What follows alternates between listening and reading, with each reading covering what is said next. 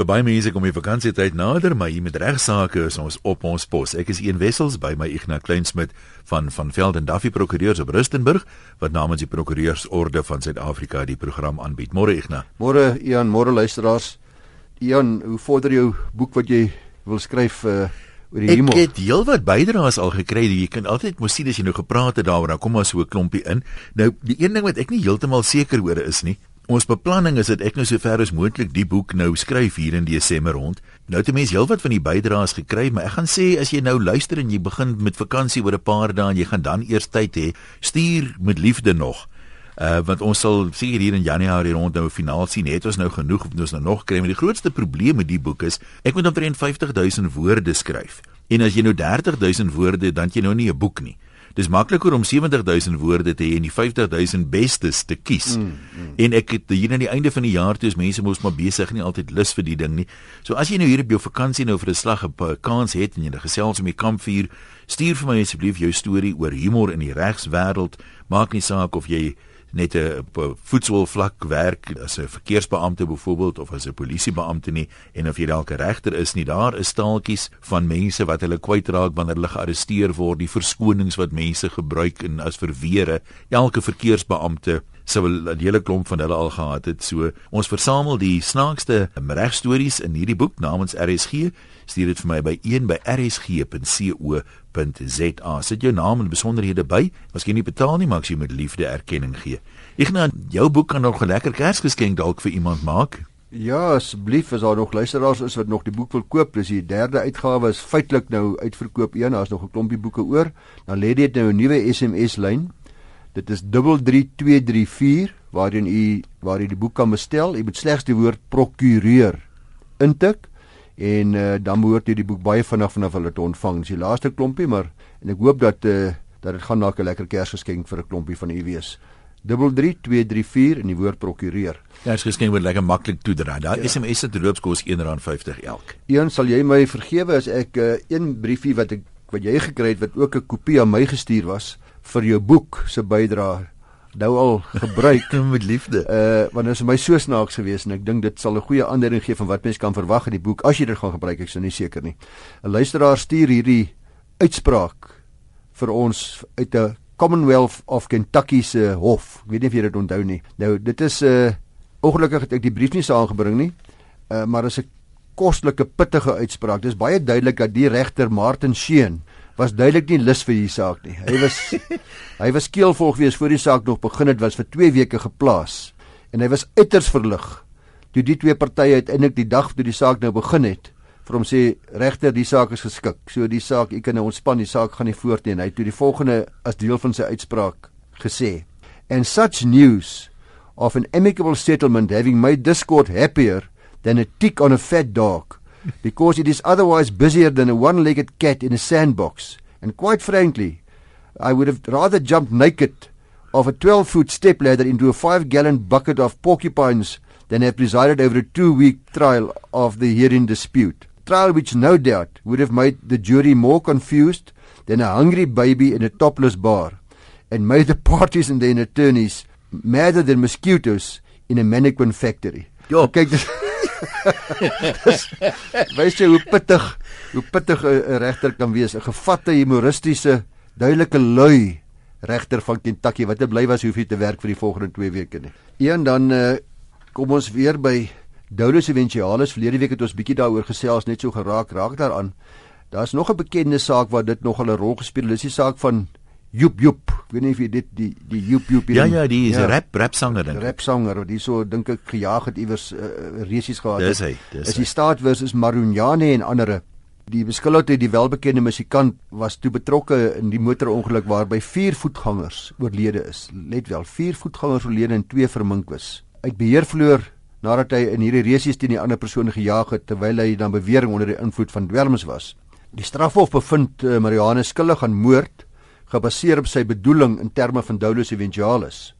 Die ou storie is ek in 'n motor klim terwyl ek weet ek het te veel gedrink, dan moet ek die moontlikheid voorsien dat ek iemand anders kan beseer of kan dood of wat ook nogal. Dis die basis van dolus eventualis. Hierdie beslissing is veral gebaseer deur die strafhof op Marniane se nalatige verontagsaming van die padreëls terwyl hy subjektief moes voorsien het dat sy optrede tot die dood of besering van ander kon lei, maar steeds gaan hy voort met sy handeling. Hy het die bevinding teen hom op appel geneem, waarna die appelhof beslis het dat Dolus Eventualis afhanklik is en dis baie belangrik ook vir natuurlik vir die saak van Oscar, dat Dolus Eventualis afhanklik is van 'n persoon se afleibare redenasie en wat die persoon werklik gedink het. Nie wat 'n redelike persoon sou gedink het nie, wat die persoon werklik gedink het. Het hy dus werklik gedink dat die voetgangers byvoorbeeld sou pad gee, dat hy voetgangers sou raakry ensovoorts. Is 'n subjektiewe toets soos ek gesê het, hierdie uitspraak van die hof gee aan ons ook 'n baie duidelike aanduiding van wat hoe die appelhof sal dink in die Oscar Pretorius appel. Die hof gaan verder en sê 'n persoon skuldig bevind aan moord gebaseer op Dolus eventualis is die toets tweeledig van aard. Eerstens het die beskuldigde subjektief, aan die ander ek self, ek die beskuldigde, nie wat jy die luisteraar dink gedink het nie, het ek subjektief voorsien dat my optrede tot die moontlike dood van die oorledene sou lei. Tweedens het ek myself met die moontlikheid vir eenselwig. Anderswoorde ek voorsien dit en ek gaan nogtans voort. Wanneer die hof beslis dat die gebruik van dwelms die beskuldigde laat glo het dat sy optrede nie tot die dood of besering van 'n ander persoon sou lei nie, dat die voetganger sou pad gee voor hom, dan word dolus in enige dolus is opset in enige vorm, uh, veral dolus eventualis, geëlimineer. Anderswoorde, as ek so onder die, as die dwelms wat ek gebruik het, my my en, en of my vrese of dit wat met my subjektief gebeur my so beïnvloed dat ek nie meer nugter dink daaroor en dat ek werklik glo dat daar niks gaan gebeur nie. Dan sê die hof kan ek nie meer opset by moontlikheidsbewussyn hê nie. En die hof van eerste instansie sê die appelhof moes bevind het dat daar nie doudes individualis kon wees. Dis nou veral in die lig van die dwelms. Die moontlikheid dat 'n ongeluk wel kan plaasvind wat sou lei tot die dood en besering van 'n ander was nie sê hulle deur die musikant Marunjane voorsien nie, hierdat hy onder die invloed van dwelms was en dit is werklik bewys. Hy het ook dienooreenkomstig opgetree soos iemand onder die invloed van dwelms.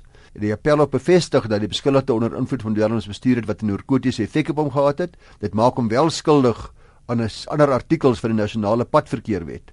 Gevolglik het die appelhof die appel gehandhaaf deur die beskuldigde bevinding aan moord te vervang met strafbare manslag gegrond op sy nalatigheid. Ek het ongelukkig nou nog vergeet om te kyk. Ek wou nog kyk wat die vonnis was. Ja, dit sal interessant wees om te sien wat se verskil dit maak. Maar ja. kyk vir moord is daar 'n minimum vonnis as ek dit nie mis het nie. Ek sal kyk in volgende week uh, of uh, in die Goed, volgende paar weke weer as ons weer as ons weer op. Maar maar 'n belangrike uitspraak ding. As jy mens nou uit die publiek se oog na hierdie goed kyk, die eerste ding wat eh, 'n uh, lid van die publiek gewoonlik vir jou sê is, kan hy dan nou maar dwelms gebruik net soveel soos hy wil? Jy weet, en dis altyd wat 'n mens hoor, kan ek nou maar drink soveel soos ek wil en dan ry?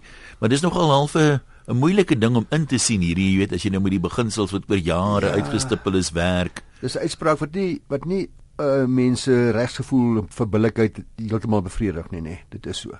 Maar sekerlik is dit moontlik dat iemand soveel kan drink dat hy nie meer regtens handel nie. Dat die ou nou sê maar hy's nou so dronk, hy besef nie eintlik hy klim nou in 'n kar en ry nie. Ja, is baie waar. Daar's baie te te redeneer hier oor, maar soos jy sê, mens weet as jy nou 'n onskuldige lid van die publiek is, dan bevredig dit nie altyd jou gevoel van wat billik is nie. Korrek, ja.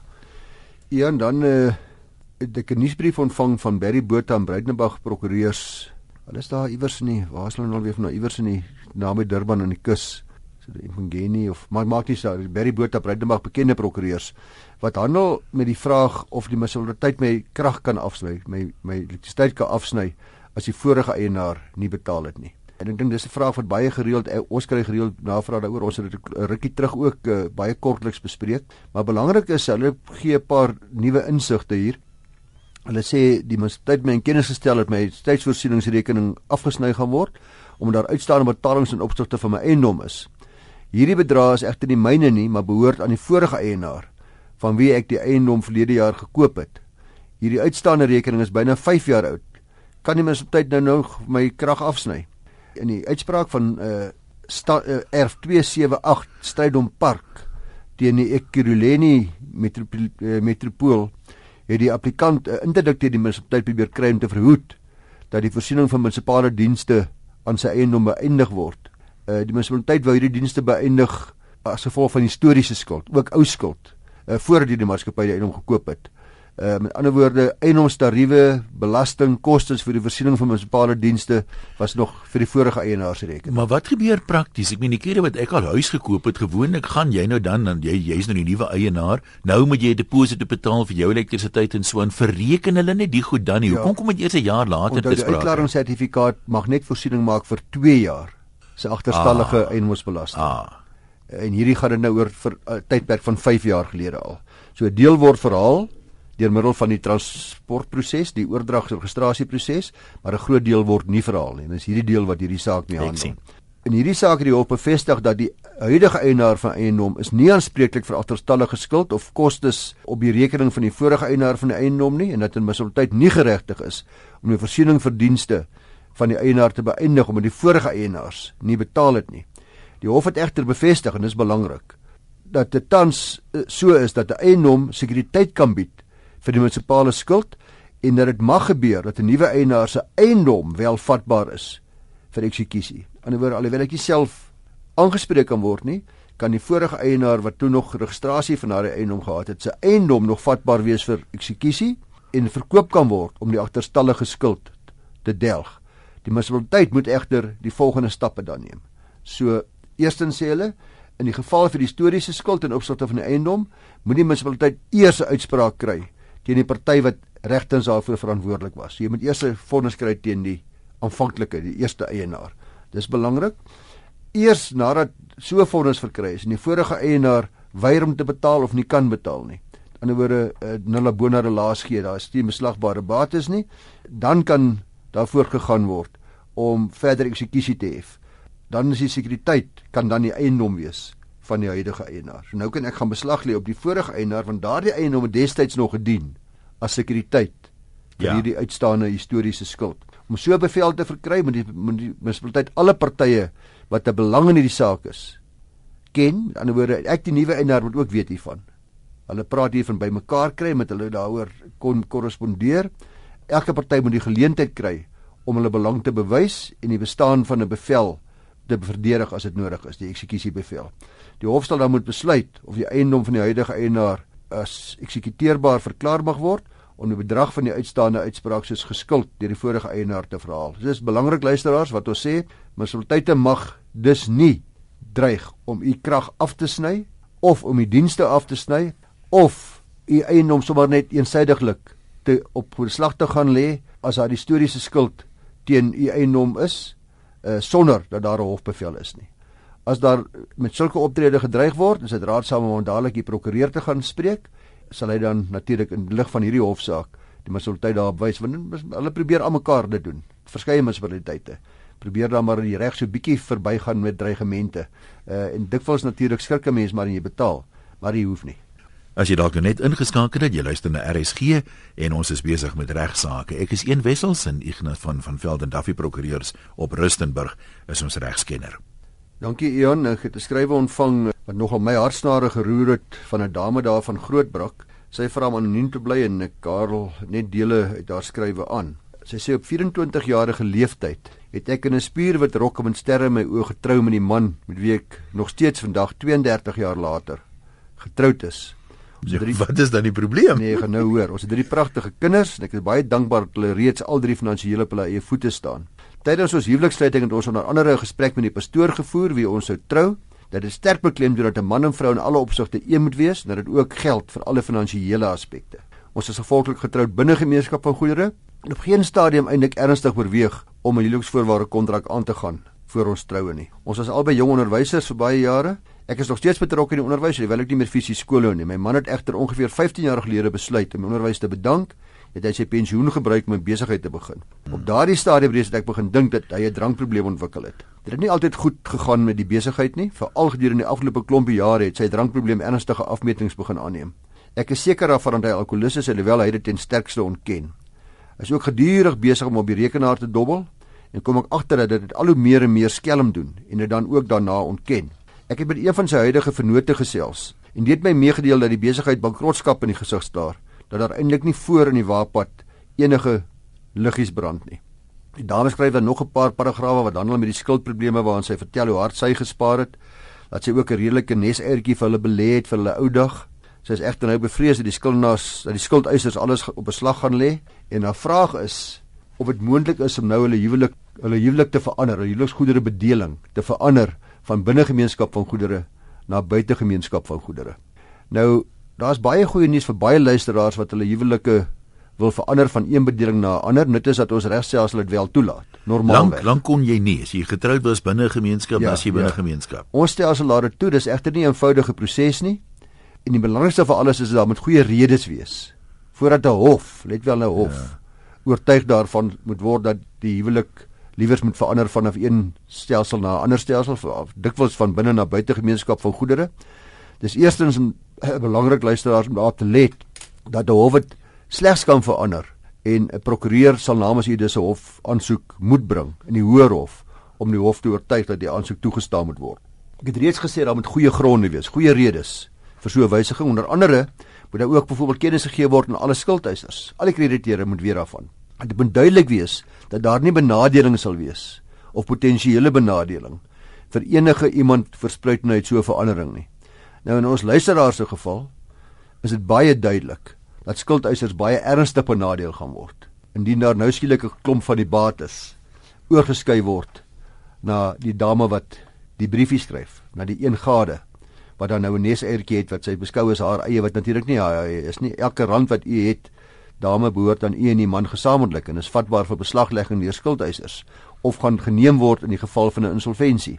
Uh dan net gou vinnig ja. vra hy my, baie mense weet as jy nou in gemeenskap van goed getroud is en jy skei die helfte is outomaties joune en die helfte jou eggenoot sin. Ja. Maar die skuld is is hier kan nie net op 'n helfte beslag lê nie. Hulle kan op die hele boedel beslag. Hulle kan op die hele boedel beslag lê en selfs by kom ons veronderstel net, ons val onsself nou in die rede wat hierdie betref, maar kom ons veronderstel want mense doen dit inderdaad om die helfte van die boedel te red skei hulle In 'n woord hulle hulle lieg vir die hof. Hulle maak ja. die huwelik onherstelbaar verbrokkel het en dan skei hulle en dan trou hulle weer hierdie keer buite gemeenskap van goedere. Al die skulde wat aangegaan was tydens die bestaan van die huwelik, daardie skuldeisers verloor nie hulle eis teen die gemeen totale gemeenskaplike boedel wat nog bestaan het teen aangaan van die tydens die aangaan van die skuld nie.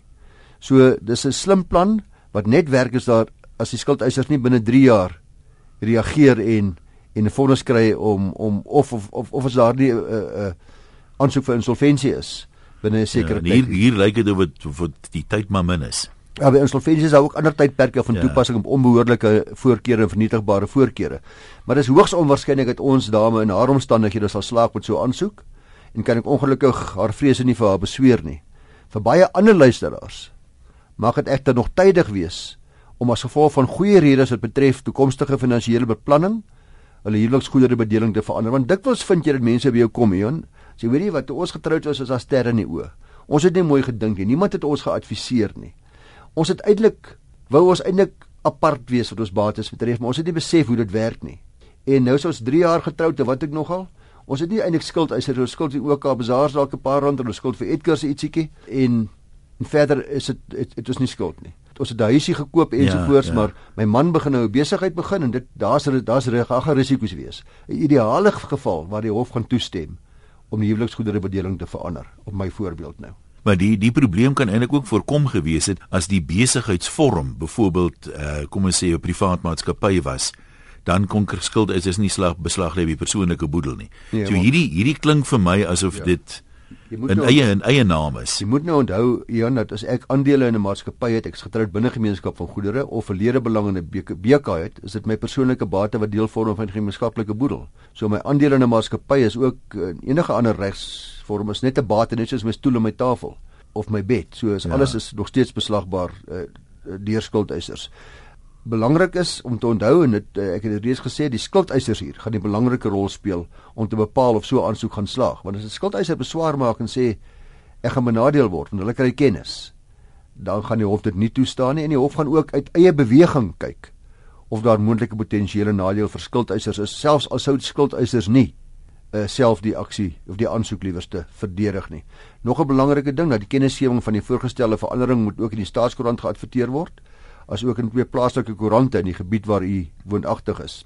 Nog 'n situasie wat eh, wat deel vorm van so 'n aansoek, dan moet 'n konsep huweliksvoorwaarde kontrak wat deur 'n notaris voorberei is, moet opgestel word want sodat die hof kan sien wat die voorneme is met hierdie HVK indien julle aansoek wel goedgekeur word. Hoe gaan hierdie huweliksvoorwaarde kontrak lyk indien die hof sê ja, julle kan verander van binne na buite toe op voorwaarde dat die huweliksvoorwaarde kontrak soos aangeheg dan geregistreer moet word.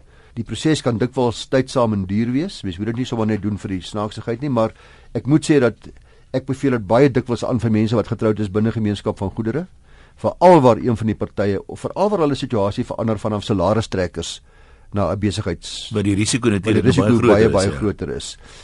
Dis belangrik soos ek nou reeds eintlik uh, geïmpliseer het met my antwoord aan ons dame dat mens enige so stap moet neem lank voordat die skuldeisers aan jou deur begin klop. Moenie wag tot dit te laat is nie want dan is dit te laat.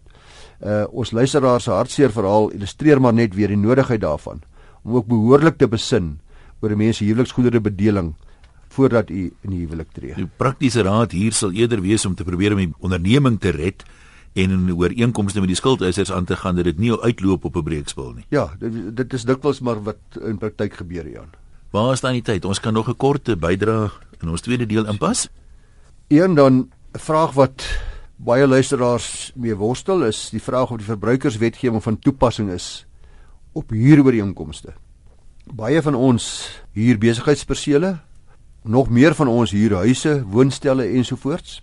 Ons het uh, al deeglik in hierdie program bewus gemaak van die voordele van die verbruikersbeskermingswetgewing.